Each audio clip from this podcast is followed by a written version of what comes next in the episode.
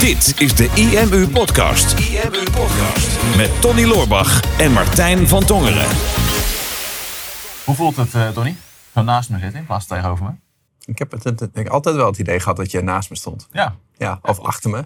Beide wel. beide wel. Ja, Ja, Dit, voelt, dit voelt heel oké. Het voelt heel oké. Gaan we nou de hele- het hele gesprek zo met elkaar voeren? Ja, Nee. jij begint zo. Ja, ik jij- begin zo. Ja, maar jij zegt net van, ik, ik doe wel een aankondiging. Ja, klopt. Het eerste wat je zegt, hoe voelt het, Tony? Ja. Ja, dat Lekker. is geen aankondiging. Nee, want ik denk, ik bouw me eventjes op. Ja. Ik denk dat mensen op het puntje van een stoel zitten. Waarom zitten wij in hemelsnaam naast elkaar? Ja. Eh, dit is het nieuwe format van Marketingpraat. Een van de elementen die we regelmatig gaan laten terugkomen. We hebben namelijk een nieuwe gast. En de eerste gast, een hele bijzondere. Sepp Fontaan de Penhoek. Welkom. Dankjewel. Wereldberoemd in Nederland. Klopt. Wordt nog steeds erkend. Je wordt nog steeds herkend. Nee, ehm Sepp, eh, jij hebt eh, jaren geleden bij ons gewerkt. Je was de tweede werknemer van Tony. Ja, Tweede werknemer, ja. Tweede werknemer. En eh, in 2015 heb je ons verlaten. En eh, ondertussen een belachelijk, belachelijk succesvolle business gebouwd. Je was, die website die had je al toen je, daar, wer- toen je bij ons werkte in, de- Ja. in die periode. Ja. Ik weet nog dat je toen, volgens mij deed je toen 100.000 bezoekers per maand met die website al. Engelstalige website over positieve zou psychologie. goed kunnen. En nu zit je op hoeveel bezoekers? Eh 2 miljoen eh, per maand zit hij op inmiddels. 2 miljoen bezoekers per maand. Ja. Dat is de to- ja, Ja. totale unieke bezoekers. Het grootste gedeelte daarvan is SEO, 85 procent. Ja. nog tegen Martijn gezegd voor het gesprek van je moet met name open vragen stellen. Ja. Dat gaat helemaal goed. Dat hè? heb je helemaal niet gezegd. Oh, ja, ja, oké. Nou, begin jij eens met een open vraag, jong. Nou, je hebt 2 miljoen bezoekers per maand. Dus het was een goed idee dan om bij IMU weg te gaan. om lekker door te bouwen. Ik wilde het zelf niet zeggen, maar Nou ja, het is inmiddels, eh want je kwam in eind 2013 kwam je toen bij mij in dienst. Als ja, tweede zomer werknemer 2013, ja. op, eh, op de klantenservice. Ja, En eh, daarna ook een beetje online marketing gaan doen. En toen je eigen pad. En, eh, en nu eh, positive psychology, business wereldwijd beroemd. ja. Helemaal, helemaal tof. Maar ik kan natuurlijk niet anders concluderen dan dat dat succes bij IMU is ontstaan. Ja, ja dat, is, eh, dat is zeker eh, eh, voor een groot gedeelte waar, denk ik. Ik heb toen in, ik ben zomer 2013 toen bij de IMU begonnen. Mm. En in oktober heb ik nog een keer teruggekeken, heb ik het domeinnaam eh, geregistreerd. Dus Positive Psychology Program heette het toen nog. En toen ben ik eigenlijk een hoop dingen van waar wij het over hadden en wat wij werk bij klanten met websites deden en toen met het website systeem, ben ik ook zelf mee gaan experimenteren op mijn eigen eh, website. Eh, dus dat was eigenlijk gewoon hier en daar een keer een blogje schrijven. En toen wat mensen die gratis ook voor de website wilden schrijven om dat team een beetje te managen. Nou ja, we hebben natuurlijk, ja, we, hadden, we deden heel erg veel met SEO. En daar was ik zelf dan eh, experimentjes eh, op die site op aan het draaien. En dat is eigenlijk een beetje uit de klauwen gelopen, zeg maar. Eh, tot op het punt dat ik, dat ik toen de potentie zag, eh, twee jaar later, dus in de zomer van 2015, om daar echt eh, om daar verder mee te gaan.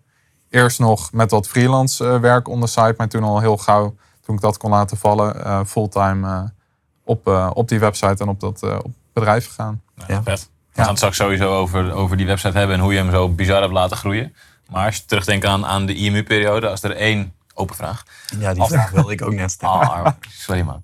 Als er één ding is wat je het meest is bijgebleven van je tijd bij IMU, wat is dat? Ehm, ik denk de, de inspiratie en het vertrouwen dat ik heb gekregen van dat ik, ehm, dat ik ook zelf succesvol zou kunnen worden met alle strategieën die wij anderen ook, eh, ook bijbrachten. Mhm. En ik, heb, ik heb die periode altijd gezien als een soort gilde. Zo leg ik dat ook aan andere mensen uit. Dat was gewoon het online marketing gilde van Nederland. Mhm. Eh, waar, waar ik toen middenin viel. eh ineens toen ik natuurlijk voor, eh, voor Tony ging werken. Met eh, eh, nou ja, alle andere bedrijven die daar toen nog op de, op de afdeling zaten. En gewoon ja, door osmosis zeg maar. Gewoon uit de lucht die daar hing. Dat, dat ademde gewoon alleen maar online marketing. Hm. En ja, door daar de hele dag dan in te zitten. Twee jaar lang. Dan pik je zoveel dingen op. Waardoor ik denk ik ook wel heel erg goed... ehm, ja, in staat was daarna om voor mezelf te beginnen. Natuurlijk is dat, is dat niet altijd het gewenste effect dat je wil hebben op een werknemer. Mhm. Maar dat, dat wel, was wel het onvermijdelijke effect op mij in ieder geval. Ja. Nou ja, dat, dat is het risico als je ondernemende types aanneemt, denk ik. Ik weet nog, toen ik voor het eerst personeel aan ging nemen... dat ik dacht, zoals volgens mij elke ondernemer denkt bij zijn eerste personeelslid... van ik moet iemand vinden die net zo is als ik. Want dan kan ik dingen uitbesteden die ik niet meer wil doen... maar dan moet het wel iemand zijn die precies net zoals als ik. Alsof diegene dat dan wel zou willen doen. Ja. En, eh, als je dan ondernemende mensen gaat aannemen, dan is het ook logisch dat die mensen op een gegeven moment gaan ondernemen. Ja. En dat, eh, dat, toen jij wegging eh, was natuurlijk hartverscheurend. Want wij zijn natuurlijk een familie en we willen nooit ons, onze kroost zien uitvliegen, Ja. zeg maar. Maar eh, ik vind het wel heel gaaf om te zien wat daar, wat daar nu van is gekomen. Ja, ja precies. Nee, dat, dat succes is. nee, ik, ik denk niet dat het zo gegaan was als ik ergens anders gewoon voor een normaal bedrijf was gaan werken en zelf een beetje met online marketing on the site of zo dingen was gaan doen. Ja, heel oneerbiedig misschien, maar ik zag ook gewoon bepaalde klanten en de be- bepaalde successen die zij ook boekten. En eh, met, onze, met onze producten, eh, met het websitesysteem en dergelijke. En ik dacht gewoon van ja. Dat, dat kan ik zelf ook wel, zeg maar. Als die persoon het kan, dan moet mij dat ook wel lukken. dus dat, eh, dat vertrouwen heb ik ook wel daardoor gekregen. Zo. Ja, ja nou, nu een miljoenenbusiness. Maar we sturen een factuur wel dan. Dat is leuk om te horen. Zonder IMU niet had kunnen zijn. Schrijven, schrijven we dit even op, mensen. Zonder IMU was dit niet mogelijk. En andere toffe herinneringen? Een oude jongens herinnering? Eh, ja, dat, dan moet ik wel meteen denken aan die trip naar eh, Miami. En eh, dat we naar Tony Robbins zijn gegaan. Dat was ook eh, ja, dat was super inspirerend en gewoon heel gaaf. En toen al met een hele leuke club eh, met mensen waarmee we dat gedaan hebben. En ook wel iets heel unieks hoor. Ik bedoel, ik heb zelf als, als werkgever inmiddels nooit zoiets georganiseerd voor ons team. Afgelopen anderhalf jaar was dat natuurlijk sowieso wat lastiger. Maar eh, ja, dat, eh, dat laat wel heel erg zien hoe bereid jij altijd geweest bent om in je personeel en, en om in de vriendschap en de band te investeren. Dus dat, is, ja, dat is wel de eerste unieke herinnering die ik heb. Ja, ja van de, de club waar we toen mee naar Days of Destiny waren, zijn er natuurlijk vier van de vijf zijn nu ondernemer geworden. Dus daar is misschien ook wel een, eh, een zaadje. Oh ja, ja inderdaad. Ja. Ja, en we hebben Netflix gehaald, hè? We staan op Netflix. Ja, Ja. klopt. I'm not your guru. Ja. Tim die komt nog in beeld. Ik weet niet of jullie ook nog in beeld komen. Richard Ja, Pieters, echt eh, één, milliseconde. Ja, Maar het is echt zo dat je, als je weet van, oh, daar zat ik. ja, ja, precies. Ja. Het bekend van Netflix staat ook op onze. Heel goed. ja, ja. ja. Meeste wat mij bij staat is het 10k-dagje die we, die we toen die dag hebben geslagen. Niet 10k als in 10k omzet, maar de 10k calorieën die we Oh ja, ja, de, ja, de 10k-dag. Ja, Dat was ontbijtend met het meest funsige ontbijt wat er was. En Bij toen- McDonald's toen- ontbijten. Ja, en toen ontdekte jij in, in de Walmart, volgens mij ontdekte jij de, de doos met Twinkies die je heel graag wilde eten. Klopt. En toen zaten we die weg te eten en toen hadden we er allebei een stuk of zeven op. En toen keek je op de achterkant van de doos, oh, die zijn 300 calorieën. Ik zeg in totaal. Nee, per stuk. Een stuk. Kleine dingen. Ik begon helemaal te zweten in de Ja. auto. Was, was je eerste 10k-dag, denk ik. Ja. Maar dan in calorieën. Ja, zeker. Ja. Ja, moet je een beetje stretchen. Nou ja, nu ben je gestretched naar eh 2 miljoen bezoekers per maand. Mensen zitten natuurlijk op het puntje van, het stoel, van de stoel. Hoe, Ja. hoe, hoe, hoe kom je op 2 miljoen bezoekers per maand? Ehm, Want het merendeel is gewoon gratis, toch? Of is het allemaal gratis? Allemaal uit Google? ja, nee, de 85% Het gedeelte wat we doen is echt, eh, nou ja, is verwaarloosbaar te noemen. Hmm. Dus dat is alleen voornamelijk een stukje retargeting, echt op, op productspecifieke eh, termen en dergelijke. Hmm. Ehm, De rest is allemaal SEO. ja. ja, Mooi. Dus eh, dat, ja, dat komt eigenlijk uit de contentstrategie die al sinds 2013 loopt. Dus dat was toen heel erg amateuristisch. Gewoon mensen die stukjes wilden schrijven, die konden over het eh, positieve psychologie in de breedste zin. Dus over mindfulness of over character strengths, gratitude, allemaal van dat soort onderwerpen in de psychologie. Eh, die konden dat gewoon schrijven, maar toen was het nog zonder dat er een bepaalde gedachte achter zat van een, een keyword of iets waarop ik dan strategisch met de website wilde ranken, zodat ik mensen vervolgens bepaalde producten kan verkopen of zo. Dat zat er nog totaal niet achter. Ehm, toen ben ik op een gegeven moment die, die mensen die dus gratis voor de website schreven, ben ik wel onderwerpen mee gaan geven op basis van zoekwoorden. Wa- waarom schreven zij gratis toen al? Als je gewoon met een nieuwe website begint, eh, ergens heel apart natuurlijk, dat mensen gewoon gratis gaan bloggen. Ja, dat was eigenlijk de reden dat ik de website begonnen was, was omdat er in dat vakgebied nog niet echt een site was buiten universiteiten ehm, die eh, content publiceerden over dit onderwerp specifiek.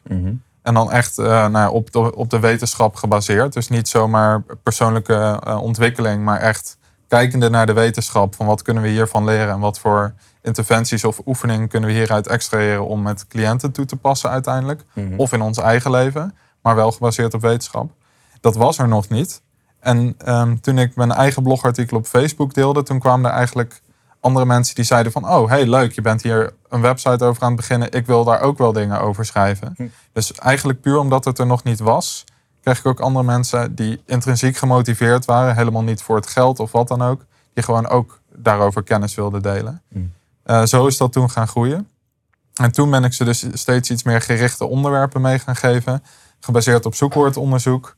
Eh, van joh, schrijf dan eens over eh, positive psychology exercises. Of over eh, gratitude interventions. Of allemaal van die zoekwoorden die ik had ontdekt. Van ehm, hier zijn mensen naar op zoek. Google die vinden op dit moment eigenlijk helemaal niks. Of in ieder geval niks nuttigs. Eh, laten wij dan zorgen dat wij met die website nuttige resources kunnen bieden voor mensen die met die vragen zitten. Dus deed jij het zoekwoordonderzoek zelf. Ja. En dat gaf je dan gewoon aan de blogger community of zo, of een groep, of via de mail gewoon van hey, deze onderwerpen. Ja, precies. Gewoon een spreadsheetje en daar stonden een aantal onderwerpen in. En konden ze zelf kiezen waar zij dan over, over wilden schrijven. Mooi. Dat was toen nog eh, één zoekwoord. Eh, maar later ben ik natuurlijk gaan ontdekken van... eh, joh, ik wil eigenlijk niet alleen op dat ene shorttail zoekwoord gevonden worden... zoals gratitude exercises. Maar eigenlijk ook op alle termen die ervoor en daarna komen... die dezelfde search intent hebben. Dus eh, mensen die op Google op zoek zijn naar iets van dankbaarheidsoefeningen... die ze met hun studenten of met de cliënten willen toepassen...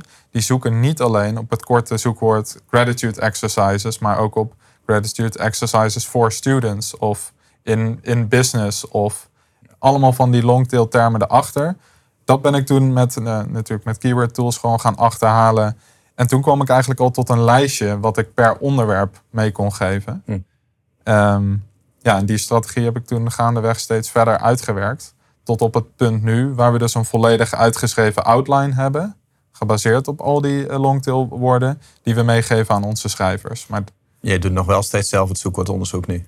Nee, dat, eh, dat doet een dame die ik daarvoor opgeleid heb. Eh, ik kijk alleen de outlines, kijk ik zelf nog na. Dus dat staat bij ons dan, staat allemaal in een Trello-bord. Is heel netjes georganiseerd in kolommen. Dat begint met een idee voor een artikel. worden we blij. Ja, precies. Netjes georganiseerd. Ja. Nee, dat begint met een idee, een, eigenlijk een onderwerp of één kort keyword. Eh, dan krijg je een, eh, een, een outline van een artikel dat gebaseerd is op alle longtail keywords erachter. Eh, die, die kijk ik dan één keer na om ook te kijken of de titel. De titel, je wil natuurlijk niet dat het een soort van SEO-titel is of overgeoptimaliseerd en alleen maar het keywords erin. Het moet ook wel nou, niet clickbaity zijn, maar in ieder geval aantrekkelijk genoeg om op te klikken. Dus dat kijk ik dan na van, is dat qua copywriting, zit dat goed in elkaar? Dan wordt die geapproved. Dan heb je de auteurs die ook in dat Trello-board zitten. Die kiezen dan van alle approved outlines, kiezen zij een artikel waar ze over willen schrijven. Dus dan assignen ze zichzelf aan dat ticket in de volgende kolom. Dan als, die, als zij klaar zijn, dan gaat hij met het documentje erbij naar de editor. Eh, die edit het artikel en die kijkt het helemaal na en die geeft feedback als dat nodig is. Ehm, en dan gaat hij naar de volgende kolom en dat is dat hij echt klaar voor publishing is. Dan wordt hij in Word, WordPress gezet en eh, gepubliceerd op de website. Dat is eigenlijk alle schrijf- stappen van het proces. Schrijven de mensen nog steeds gratis? Nee, nee, nee dat, eh, die tijd hebben we gehad inmiddels. Dat was eigenlijk toen alleen in het begin. Ik ben er toen toch al snel achter gekomen dat als je echt kwaliteit wil, dat je ervoor moet betalen. En dat goedkoop duurkoop is. Dus je hebt ook contentpartijen waar je gewoon kan zeggen van... joh, geef mij deze 50 artikelen. Nou, die fout heb ik in het verleden ook wel gemaakt om dat dan eh, te gaan doen. Dan krijg je echt van die nou, haast door robots geschreven... eh, of gespinde eh, teksten terug, zeg maar, waar je gewoon niks aan hebt. En uiteindelijk de belangrijkste les is als het om Google en SEO gaat... van die kwaliteit komt altijd bovendrijven. Ehm, eerst was dat nog wat makkelijker te gamen. Hè, door trucjes uit te halen, bijvoorbeeld met backlinks of met keyword stuffing. Maar dat is eigenlijk exponentieel moeilijker geworden om dat systeem te gamen. En dat wordt ook alleen nog maar moeilijker in de komende jaren. Tot op het punt dat dat gewoon helemaal niet meer te doen valt. En echt alleen het beste artikel die aansluit op de search intent van het keyword waarop gezocht wordt, die staat op de eerste plaats. Eh, en wij willen dus, nou ja, nu al zeg ik, zou ik haast zeggen, maar in ieder geval altijd dat beste artikel hebben. Die precies aansluit op die search intent voor elk keyword dat wij bewust targeten. Zijn er, zijn er naast, de, eh, dus jij, jij bepaalt de outline, of jullie team bepaalt de outline van het artikel. Je weet waar je op wil scoren, je zorgt voor de juiste tussenkoppen. En dan weet een schrijver, oké, dit ga ik dit ga ik vullen met waardevolle content. Ja. Is er naast die inhoud, zijn er andere dingen die essentieel zijn in zo'n artikel om hoog te scoren? Dus waar, waar kijk- let je op? Ja, dat is wel een goeie. Eh, het zijn een aantal dingen. Dus de, de, de outline, daarmee bedoel ik dan dus een H1. Dus dat is gewoon de titel van het stuk. En dan allemaal H2 eh, tussenkoppen. Dus we, we specificeren niet de H3's. Dus zijn er nog tussenkoppen nodig daaronder, dan kan de schrijver dat zelf eh, doen. Maar dan door ehm, de H1 en de H2 zelf geschreven te hebben, weten wij dus dat letterlijk elk woord van, ehm, van dat voorkomt in de keywords, dus ook in de longtail keywords, dat die ergens in die outline komt dat wel voor. Uh, dus ook dat als, als daarop gezocht wordt, dat Google dat ook in bold, zeg maar met zo'n sidelink erbij, zie je dat Google dan de tussenkoppen vaak ook al er, erbij plaatst. Uh, soms maken ze dat bold volgens mij zelfs als het zoekwoord daar ook Ja. exact in voorkomt. Dus op die manier krijgen we ook altijd die sidelinks erbij als mensen op een van die longtail woorden zoeken, wat extra real estate is in de zoekmachines. Ja. Dus vandaar ook dat we dat helemaal zo eh, uitschrijven. En dat zou ik eigenlijk nooit aan de schrijvers zelf overlaten. Want in mijn ervaring is het zo dat goede schrijvers, tenzij ze in het vakgebied van SEO zitten, eh, ja, dat dat niet hun, hun strength is, zeg maar. Nee, daar worden de teksten vaak niet beter van Nee. als je SEO gaat denken. Nee, Ja. nee precies. Ik, ja, ik, ik vind het echt briljant. Maar wat, wat een heerlijkheid als je gewoon een artikel gaat schrijven... dat je alleen maar de titel en de tussenkop hoeft te schrijven. En dat je dan klaar bent. Ja, En dat je weet, van, ja, dit zou het eigenlijk moeten worden. En dat iemand anders, een expert, dat dan gaat schrijven. ja.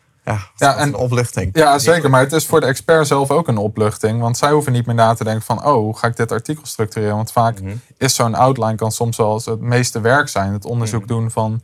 wat moet ik nou allemaal voor subonderwerpen eh ja, behandelen in dit stuk? Maar dat hebben wij al gedaan. Dus, dus aan beide kanten is het veel efficiënter... en kan je gewoon veel sneller werken. Maar om jouw vraag nog te beantwoorden van... wat is er nog meer daarin belangrijk? Ik denk een eh, korte en krachtige introductie hebben we altijd... Dus dan proberen we altijd te zorgen dat dat niet meer dan twee paragrafen of ongeveer drie zinnen is. Eh, voor ons is dat dan eh, referenties, dus wetenschappelijke referenties. Ehm, dat is ook, ook iets waar we het over kunnen hebben, dat Google EAT. Dus dat eh, staat voor Expertise, Authoritativeness, Trustworthiness. En daarmee wil Google eigenlijk kijken van, is de persoon die hierover schrijft, is die gekwalificeerd om hierover te schrijven? Dus op het gebied van finance of op het gebied van gezondheid, of in ons geval mentale gezondheid, is het gewoon super belangrijk dat je een, een, een SME, een subject matter expert, dus echt eh, iemand met kennis over dat onderwerp en met eh, een opleiding over dat onderwerp, eh, dat die dat stuk geschreven heeft. Wij hebben op een gegeven moment gezegd van, we zijn toen van iedereen die ervoor kon schrijven gaan naar alleen mensen die native English speaker zijn. Want alles wat we doen is in het Engels natuurlijk. En het viel me op dat mensen die toch dan uit Duitsland of uit, eh, ja, we- weet ik het wat, uit Peru of waar dan ook vandaan kwamen, zeg maar. Ook al zijn ze opgeleid in het Engels, het is niet hetzelfde en je moet te veel nakijken nog. Dus toen hebben we gezegd van werken met schrijvers uit Australië, UK, Verenigde Staten ehm, en Canada. Ehm, en daarbuiten dus heb ik toen op een gegeven moment gedacht van wat is nou echt het, beste wat Google hoopt te vinden als het gaat om die expertise van de auteurs bij ons. En dat is eigenlijk dat ze gepromoveerd zijn in de psychologie. Want een veel hogere graad kan je niet krijgen, tenzij je professor bent in de psychologie. Die we overigens ook sommigen eh, hebben die voor ons schrijven. Ehm, dus toen hebben we gewoon gezegd van, nou ja, oké, across the board. Als je voor de website wil schrijven, moet je een PhD in de psychologie hebben. En je moet native English eh, speaker zijn. Eh, dus dat is een heel select groepje mensen waar we het dan over hebben wereldwijd. Eh, maar we hebben die wel weten te vinden. En het is altijd een uitdaging om ze dan ook te binden. De- Ja, want, want hoe krijg je ze zover dat ze dit doen? Wat, wat heeft een professor daaraan om voor jullie content te Ja, schrijven? dat is dus interessant. Want ehm, we zijn op een gegeven moment gerebrand van positivepsychologyprogram.com naar positivepsychology.com. En dat is de naam van het vakgebied zelf. Hetzelfde als dat je neuropsychology.com zou hebben. Dan denken mensen van, oh, dit is een vertegenwoordiging van dat vakgebied. En dat effect heeft ons, onze rebrand dus ook gehad. Wat niet alleen een hele positieve invloed op de sales eh, heeft gehad. Maar ook op ehm, de reputatie van ons merk in het vakgebied. En we zien dus dat mensen die bijvoorbeeld professor zijn in de psychologie, dat die het als een soort statusding zien om op positivepsychology.com gepubliceerd te zijn. Dus het gaat ze ook niet alleen om het geld, maar het gaat ze ook een beetje om de eer, zeg maar, die erbij komt kijken, om daarop te publiceren, wat natuurlijk ja, ontzettend gaaf is. Ja, cool. Want dan hoef je ze niet alleen met geld te incentivizen, want het kan natuurlijk erg duur worden als je nee, dat type mensen eh, voor je laat schrijven. Eh, maar eigenlijk als je kijkt wat we betalen, dan vind ik dat relatief nog weinig. Maar dat komt er dus door dat ze niet alleen door geld Mhm. geïncentivized zijn. Ja, want je hebt voor die, die domeinnaam heb je waarschijnlijk wel een flink bedrag moeten neerleggen. Voor zo'n specifiek. Ja, ook domein. dat, ook dat valt dus nog mee. Die zou ik echt die zou ik elke dag opnieuw kopen voor dat eh, bedrag. Nee, ik heb er. eh, het was van een Canadese professor. Ik heb er, denk ik, vier of vijf jaar lang heb ik er achteraan gezeten. Op een gegeven moment ben ik zo ver gekomen dat ik zijn secretaresse aan de telefoon heb gekregen. En die zou. Die had mijn nummer opgeschreven of zo, maar ik heb er nooit meer wat van gehoord. En toen dacht ik van, ik zet in ieder geval zo'n domain sniper, heet dat volgens mij, zet ik op dat domein. Dus als er iets van activiteit is, of hij komt te vervallen, of hij verhuist qua hosting, of ehm, de registratiegegevens verandert, persoon verandert zijn nummer, zijn adresgegevens, dan krijg ik er al een bericht van. En eh, toen kreeg ik op een gegeven moment een bericht dat hij dus op Cedo, eh, een van de grootste domeinnaamveilingen, dat hij daarop geveld ging worden. Terwijl ik dacht van, ik heb je vijf jaar lang geprobeerd te bereiken. Allemaal offers gestuurd, nooit iets van gehoord. En nu wordt hij ineens geveld. Dus ik vond dat heel raar. Dus toen had ik meteen van GoDaddy volgens mij zo'n domain broker ingeschakeld. En gezegd van oké, nou, dit domein gaan we kopen, het liefst vandaag nog. Ehm, dus die was in contact gekomen met de verkoper. Die, eh, die noemde zijn buy now bedrag. Dus waarvoor ik meteen kon kopen en dat van de veiling afgehaald zou worden. Eh, en dat was, dat was 20.000. Eh, daar moest ik toen al om lachen, want ik dacht van ja, dat is veel te weinig. Eh, maar ik dacht, ik ga nog onderhandelen, omdat ik niet wil laten blijken, zeg maar. dat- Ja, weet ik nog van vroeger. Ja. Komen we zo nog wel even op terug. Ja, ja. dat domein waarbij dat hebt gedaan, toch? Oh ja, klopt. Ja, ja. Dus eh, toen- toen heb ik er nog 17.000 eh, van weten te maken en daarvoor gekocht. En dat is echt letterlijk de beste investering die ik ooit gemaakt heb. Ja, snap ik, ja. Ja, wauw. Ja, want volgens mij eh, ben jij verantwoordelijk voor dat wij IMU.nl hebben, toch? Ja, jij hebt klopt. die onderhandeling toen gedaan. Ja, die heb ik toen samen met, eh, met Chris gedaan. Chris Ja. van de Krieken. En daar, Dat, eh, eh, volgens mij, wat hebben we daar uiteindelijk voor betaald? Volgens mij was het 4000. 4000 euro Ja. voor Ja. IMU.nl. Want hij wilde, hij, wilde, hij, wilde, hij wilde er tien voor hebben, volgens mij. Ja. Ja. nou, hij wilde zijn hele business aan ons verkopen. Inclusief de merkrechten en Ja, wilden allemaal. die business niet hebben. Nee. Dat, was, dat was toen. Ik weet nog dat volgens mij hij eerst 10.000 wilde. Dat ik toen dacht van ja, dikke vinger, dat gaan we niet doen. Maar Ja. dat was in 2015. Ja. Of nee, 2014 waarschijnlijk zelfs nog. Ja. Eind 2014 was dat, want toen zaten we nog toen in de was dat een hoop geld. Nee, En toen hadden we, geen, toen hadden we op dat moment geen inkomsten. Toen hadden we geen geld. Ja. Of ja, we hadden wel geld, maar we hadden, we hadden nog geen membership model. En alles was afhankelijk van eenmalige inkomsten. En we waren toen de winstmodel aan het vervangen met Phoenix. En toen stond het in die periode al een tijd stil, volgens mij. En Ja, toen, we waren eh, niet meer aan het verkopen op dat moment inderdaad. toen had ik ook nog helemaal geen investeringsmindset. Hè, toen was het gewoon een, ja, domeinnaam kopen voor 10.000 euro. Ik denk, ja, moet je kijken hoeveel ads ik kan draaien voor 10.000 euro. Of ik kan het ook afromen hè, als winst. Ja. Hè, dus hij had een hele andere gedachtegang. Ja, Maar dat is misschien nog wel een betere deal dan, dan wat jij hebt gekocht. Voor Ja, nou ja, ja, inderdaad. Ik denk dat allebei eh super goede deals zijn geweest. Maar het, kijk, het is met een domeinnaam natuurlijk ook vooral van wat ga je ermee doen dan? Mhm. Want ja, je had ook op IMU inderdaad, had ook nog zo'n site kunnen blijven staan zoals die man had voor een een of ander vaag, wat was het, soort, niet een administratiekantoor, maar iets in die richting was het. Maar het was allemaal vrij vaag en die site zag er niet uit natuurlijk. En ik ken nogal wat hele mooie domeinnamen nu waar websites op staan die die domeinnaam absoluut geen eer aan doen. Nee. En die mensen hebben vaak geen idee op wat voor goudmijn ze zitten. Als ze dat, concept nou maar gewoon goed eh, uit zouden voeren. Mhm. Dus de, ja, de waarde van een domeinnaam is eigenlijk net als de waarde van een idee. Weet je wel, dat is pas echt wat waard als je er daadwerkelijk in de echte wereld iets mee gaat doen en Ja. iets moois van maakt.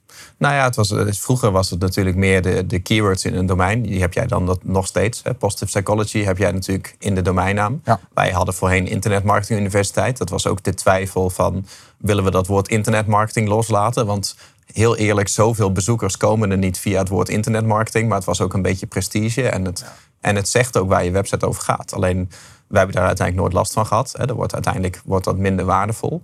Maar het is in die, in die SEO-trend, dat, dat jij zegt dat natuurlijk ook al deels, van ja, je gaat op een gegeven moment voor kwaliteit. En ook niet meer voor massa. Wat wij in het verleden vaak deden. Hè? Dat we zeiden, nou, gastbloggers, iedereen die wil bloggen, eh, ga maar bloggen op onze site, want meer is beter. Hè? Ja. Massa is kassa.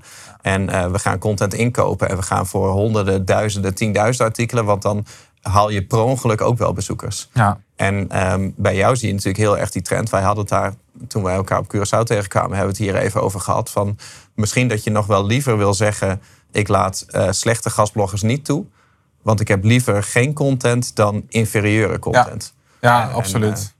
En opruimen net zo. Ik ben toen ook eh, IMU eh, lekker gaan opruimen. Ik denk, ja, oude artikelen die geen traffic meer geven. Ondanks dat het misschien nog wel prima content is, opruimen. Uh, kwam nog artikelen van jou tegen die je Oh ja, geschreven hebt. ook opgeruimd. Eh, nee, een, een aantal zijn er nog. Oké. Want wij staan nu, als je eh, Cialdini googelt, of, of elk keyword rondom de Ja. principes van Cialdini, kom je eh, steeds IMU tegen. Ja, dat was toen al zo. steeds jouw artikel. Ja, ja klopt. Ja, ik heb ja. inmiddels heb ik er wel drie artikelen van samengevoegd. Maar Ja. Ehm, ik vond dat zelf een hele fijne manier van werken. Hè? Dus het, het, het opruimen en gewoon alleen maar kwaliteit op je site toelaten. Ja. En dat, is- dat is eigenlijk ook de stap die jij hebt gezet. Ja. Ja. Ja. opruimen is echt cruciaal. We hebben elk jaar ehm, verwijder ik 5 tot 10 procent van eh, onze content.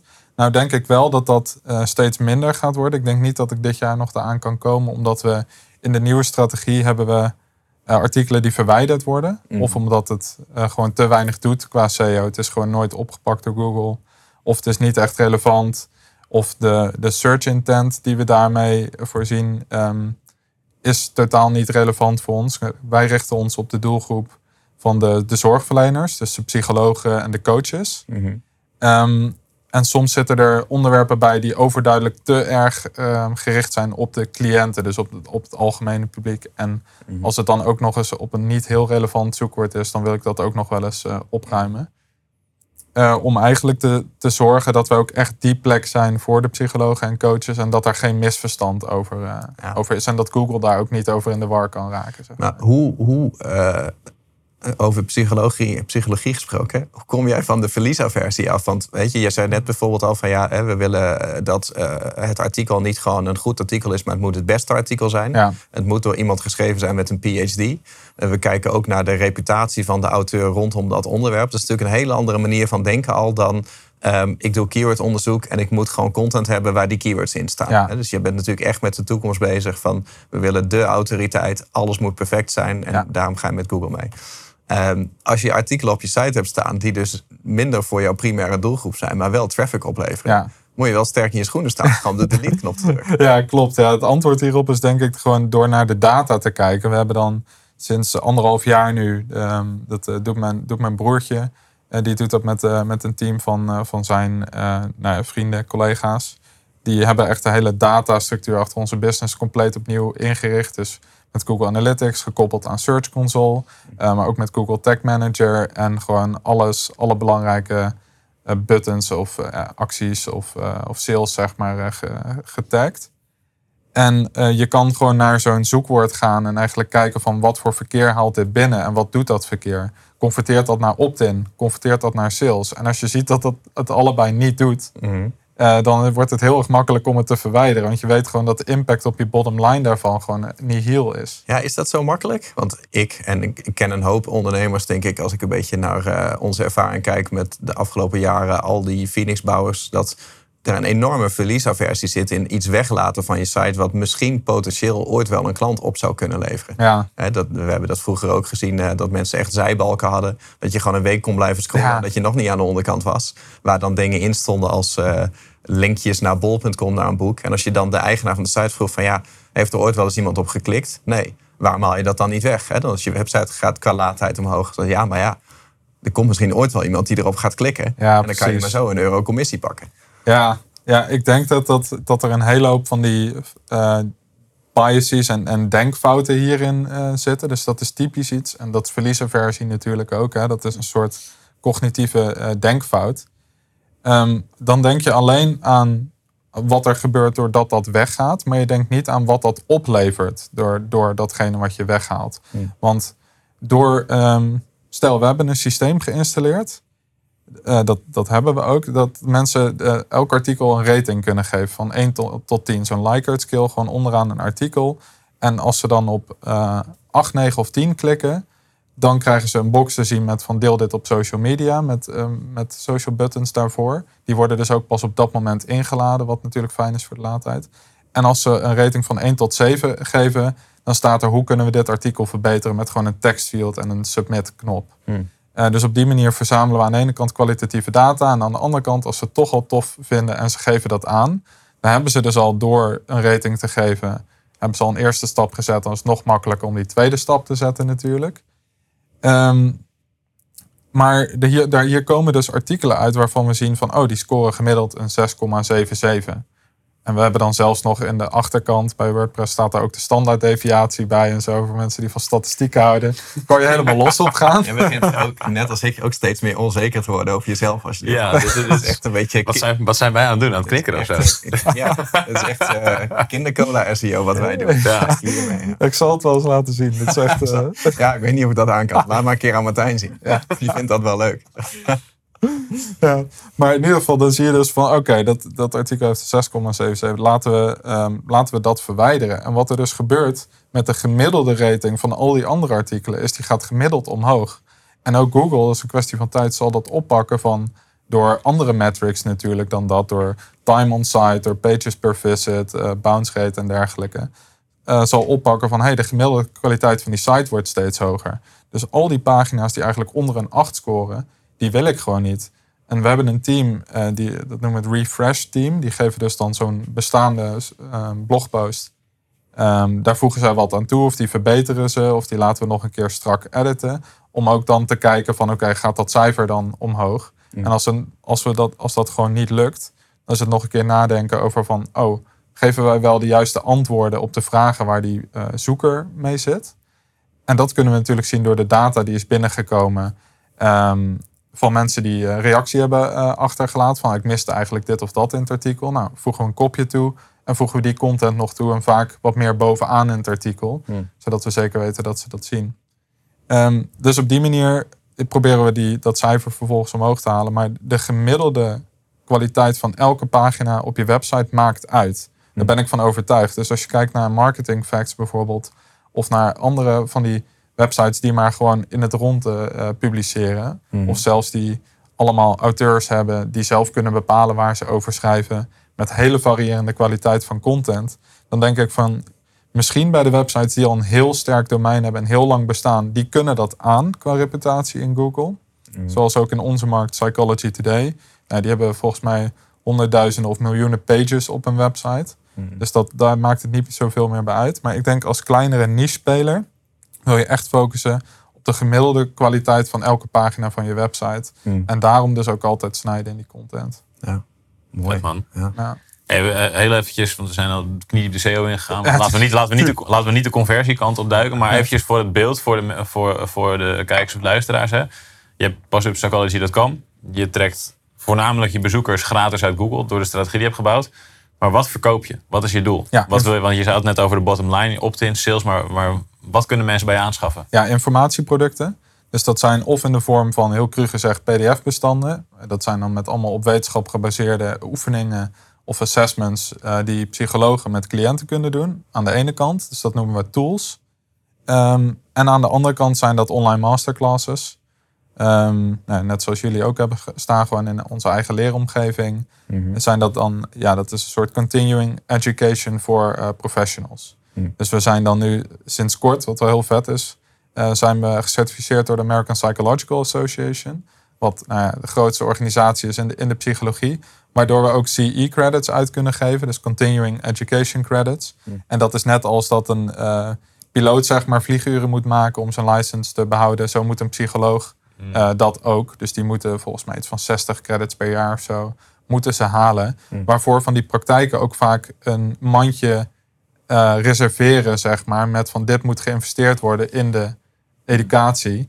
Eh, wat dus mooi is, want wij kunnen nu aanspraak gaan maken op dat mandje, eh, doordat we ook die credits uit kunnen. Jij werd een, in december, dan denken mensen, oh shit, ik moet dat mandje nog leegmaken. Dus dan doe je een dikke lancering naar je mailinglijst. Precies. Met, hey, moet je je C-credits nog vullen? Ja. Neem deze en deze programma's. Precies, dat kunnen we. We moeten nu nog ex- eh, examinatie moeten we nog eh, uitrollen in de leeromgeving. Dus dat echt elk onderdeel vragen gesteld worden die ze moeten beantwoorden. En dat er dan een soort van ja, certificaat automatisch uit komt rollen met een uitslag, zeg maar, van of ze alles wel begrepen hebben. Want dat is een noodzakelijk onderdeel eh, van die accreditatie. Zodra we dat hebben, dan eh, kunnen we inderdaad eh, dat soort lanceringen gaan doen. Nice. Dus, ja. Vet man. ja, dat is heel gaaf. En als je, als, je, als je hem terugbrengt naar de kern, voor een startende ondernemer of iemand die denkt, nou ik heb een paar duizend bezoekers op mijn website of ik ga net beginnen. Jouw strategie is natuurlijk enorm. Eh, in de kern kan je hem terugbrengen tot natuurlijk die, die concepten. Hoe moet iemand beginnen? Ja, en je zegt hij is enorm, maar ik vind hem eigenlijk best wel simpel. Want het is gewoon een kwestie van dat Trello-board wat we hebben. En dan aan de andere kant natuurlijk de juiste mensen eh, vinden. Mhm. Wat, wat niet makkelijk is of zo. Maar het is niet zo dat het een hele complexe eh, strategie is. Want uiteindelijk zijn we gewoon in een teksteditor in WordPress dingen aan het publiceren. Zeg maar. Ja. Daar komt het op neer. Dus je zegt keywordonderzoek, titel maken met subtitels die op basis van het keywordonderzoek zijn. En dan publiceren. Dat uitzetten bij schrijvers inderdaad. Die schrijven het, dan laten we het editen. Eh, en dan publiceren we het door iemand die het ook een beetje mooi opmaakt, zeg maar, in WordPress. Ja, Ja. En, en dan dus meten of het oplevert, of het gewaardeerd wordt. En constant onderhouden. Dus je hebt Ja. gewoon echt een kunstwerk van je website gemaakt. En het mag niet onder een 8 scoren. Ja. Dus er mag eigenlijk geen pagina op je website staan die je lager dan een 8 zou beoordelen. En dan gaat hij eh, op de schop of, of weg. ja, ja, Ja. precies. Ja, ik vind het wel mooi, want het, het is inderdaad enorm, maar het is inderdaad ook heel klein. Alleen het is gewoon, eh, diep van binnen is een soort van vreugde van perfectionisme kan wel lonend zijn. Meestal, is perfectionisme gewoon dodelijk. Ik weet toen, toen jij bij ons ermee bezig was, hè, want jij deed toen ook de CEO van IMU in, in het laatste jaar dat je bij ons zat. Toen hadden we het ook een beetje over dit soort strategieën, maar nog heel prematuur. En toen wilde je dat ook gaan bouwen. Ja, Eh, dat is toen een beetje stil komen te liggen. En wij zijn ook hele andere kanten op gegaan. Hè? Wij doen nog wel SEO, maar ehm, anders dan dat we dat voorheen deden. Wij hebben het perfectionisme losgelaten. Dus er komt, eh, er komt ook veel content op IMU, wat bijvoorbeeld die 8 niet haalt. Ja. En wij zijn ook gaan adverteren. We hebben een podcast gestart. We zijn social media gaan doen. We doen evenementen. Wij, wij doen relatief veel. Hmm, Verschillende dingen. Als je het vergelijkt met jou. En jij hebt je focus gewoon op content. ja, Ik weet ook, toen wij het er laatst over hadden, hadden we het bijvoorbeeld over eh, waar moet je tegenwoordig in investeren als je ergens met je geld naartoe wil. Ja. Bijvoorbeeld, hè? Moet je vastgoed aandelen dingen. En toen zei hij, ja, gewoon eh, content, klap, content klappen, zei je toen. Want ik zou het aan content uitgeven. En dat is zo één met jou. Ja. Het is zo heerlijk als je gewoon kan kijken van wat is nou mijn ding? Eh, content SEO in jouw geval. Ja. Dat, je, dat je dat perfectionisme dan gewoon durft te omarmen. En dat je er gewoon een kunstwerk van maakt. ja, En dat ben je jarenlang gaan doen. En nu zit je op 2 miljoen bezoekers. Ja. En wij zitten nog ongeveer daar waar het was toen jij wegging. Het, het, is wel, het is heel confronterend. Maar het is ook, heel, het is ook wel heel eh, bevredigend dat het wel kan. ja. Ja, maar jullie zijn natuurlijk weer op die andere kanalen ook gaan groeien, zeg maar. Mm. Ehm, het, het fijne eraan vind ik dat, ehm, dat ik er zelf niet voor nodig ben. Dus ik hoef zelf geen webinar eh, te geven, ik hoef geen video's te maken. Ehm, dat loopt gewoon door. En het is ook niet afhankelijk van of ik die tijd daar nog in blijf stoppen. Sterker nog, ik stop er eigenlijk vrijwel niks van mijn eigen tijd in. Maar die strategie die gaat gewoon door. En ook als ik eh, met iets anders bezig ben of zelfs komt te overlijden of wat dan ook, Mm. dan weet ik dat die strategie gewoon nog doorgezet kan worden. Ja. En dat ik mezelf er meer uit heb gehaald. Buiten dan dat ik af en toe die outlines nog nakijk, wat in principe ook iemand anders zou kunnen doen inmiddels. Dat vind ik ook gewoon nog leuk om even die laatste check Ja, te snap doen. ik, ja. Ehm, dat, dat dat gewoon eh, dat dat volledig schaalbaar is, zeg maar. Mhm. Ehm, dus ja, dat, eh, dat vind ik heel gaaf. En het is ook de, de vorm, denk ik, die het beste bij me past. Ik heb al wat met video's geprobeerd en dergelijke. Mhm. Eh, maar gewoon geschreven content, ik weet gewoon dat dat de vorm is die ook bij mij past. Dus. Ja, precies. Ja, ja en consistentie. Dat Ja. zou maar zo een soort van bedrijfsgeheim kunnen zijn. Ja, we hebben het nog nooit over gehad. Nee. Cool man, thanks, eh, thanks voor je tijd en voor je, voor je wijze lessen. Ehm, heb jij vragen voor Zep of heb jij een mega inzicht uit deze, uit deze sessie gehaald? Laat het even weten in de reactie onder deze video. En als je aan het luisteren bent, gauw met je reet naar YouTube toe, zodat je een reactie achter kan laten. Om eh Sep even te bedanken voor zijn eh, waardevolle inzichten. En eh, dat wil ik bij deze ook doen. Sep, dankjewel man. Ja, Vet dat je hier bent. ja. En eh dikke, dikke buiging voor wat je hebt neergezet. Dankjewel. IMU Podcast. Super tof dat je hebt geluisterd naar de IMU podcast. Ik hoop dat je dit waardevol vond en dat je er inzichten uit hebt kunnen halen voor jezelf en voor je eigen business. Vond je dit nou een waardevolle podcast, dan zouden Tony en ik het heel erg waarderen als je dat zou willen delen. Enerzijds door dat bijvoorbeeld te delen via je eigen Instagram of via LinkedIn. Door een screenshot te maken van je telefoonscherm en ons daar even in te taggen. Maar wat we nog meer zouden waarderen is als je de tijd en moeite zou willen nemen om een review achter te laten. Werk je met een Apple-telefoon, dan kan je dat doen binnen je eigen podcast-app door daar een review te geven. Geef ons een x aantal sterren met daarbij een korte motivatie wat je van onze podcast vindt. Zouden we echt enorm waarderen als je die tijd zou willen nemen. En werk je met een Android-telefoon, Dan zie je dat, daar, eh, dat de meeste apps geen review mogelijkheid hebben. Wat we dan heel erg zouden waarderen is als je op Google IMU zou willen intypen. En vervolgens via de Google Review sectie iets zou willen vertellen over de IMU. Wat je van ons vindt en wat je aan onze podcast hebt gehad. Alvast heel erg bedankt. En ik hoop natuurlijk dat we je volgende week weer mogen verblijden met een volgende aflevering van de IMU podcast.